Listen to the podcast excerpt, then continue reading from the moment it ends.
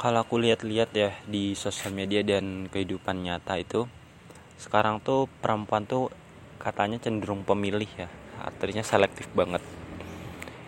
Akhirnya apa? Perempuan itu salah pilih lelaki karena lelaki yang baik banget yang setia itu biasanya malah dibuang.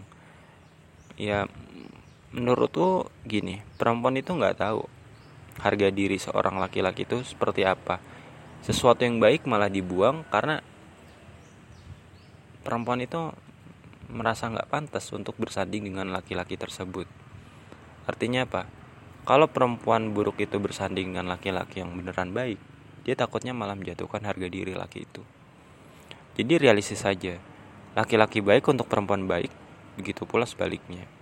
Kenapa orang memilih pacaran? Kenapa perempuan dan laki-laki itu nggak sabaran dan akhirnya pacaran? Melewati batas-batas yang udah ditentukan ya karena apa ya mereka nggak tahan gitu loh. Mereka pengen adiknya mangatin mereka nggak kuat berjuang sendiri lebih lama gitu loh. Artinya daya tahannya tuh rendah banget gitu loh. Berbeda dengan orang yang berjuang sendiri menahan nafsunya untuk ke pacaran dulu mereka tahu mereka capek dan mereka pengen juga pacaran kayak temen lain. Tapi mereka memilih jomblo termasuk aku karena tahu hadiahnya besar yaitu orang yang baik bener-bener baik yang tepat akan datang dalam hidup kita. Aku juga pengen bisa disayang bisa mesra-mesraan gitu. Tapi ketika aku pikir ulang kayaknya ini belum tepat deh waktunya untuk hal seperti itu lebih baik aku berjuang sendiri dulu deh daripada nyakitin hati orang. Karena pacaran itu belum tentu jodoh kita loh. 99% orang yang pacaran itu akan putus di tengah jalan apa pun masalahnya. Karena pacaran itu masalahnya belum sekompleks orang yang udah nikah ya. Pacaran itu mereka nggak sampai mikir anak gitu loh. Karena apa? Anaknya bakal haram statusnya makanya nggak jarang orang yang pacaran terus hamil dibunuh atau ditinggal. Resiko buruknya tuh lebih banyak dibanding hal baik yang didapat dari pacaran. Ya. Anggaplah usia kita 60 tahun lah amin ya. Kalau kita pacaran umur 18 tahun padahal takdir kita sama Tuhan nikah umur 25 tahun. Artinya kita membuang waktu tujuh tahun penantian itu dengan hal yang sia-sia yang harusnya bisa kita gunakan untuk memperbaiki diri memantaskan diri. Nggak ada. Istilah pacaran itu membuat kita lebih baik tuh nggak ada. Itu kebaikan yang palsu yang fana. Artinya kita berbuat baik hanya karena seseorang. Itu sifatnya sementara yaitu nggak baik. Kalau kita nikah di umur 25 sementara usia total kita 60 artinya hidup kita lebih banyak bersama pasangan kalau gitu itu berita baik dong. Ya kenapa harus pacaran sebelum nikah?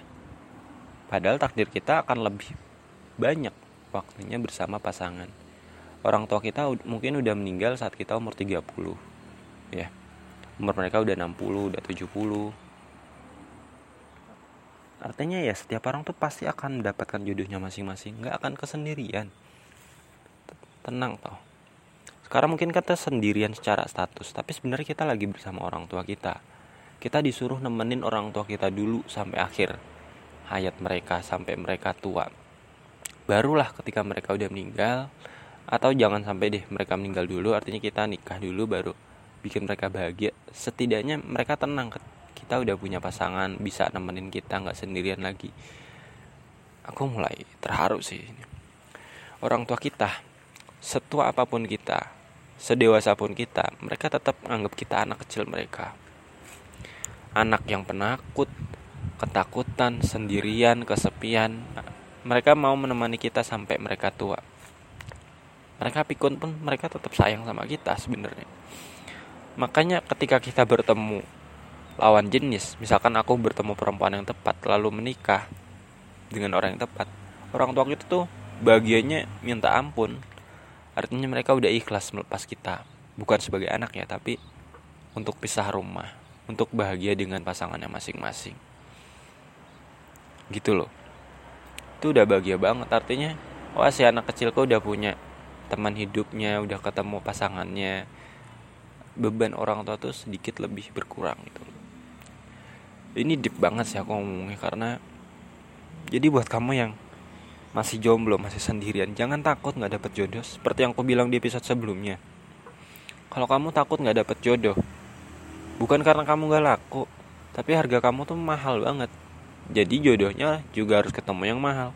Kalau kamu murah ya udah pacaran tinggal pilih mau sama siapa. Tapi kan harga dirimu nggak serendah itu. Harga dirimu tinggi. Gitu loh. Jadi udah ya tetap semangat tetap jadi orang baik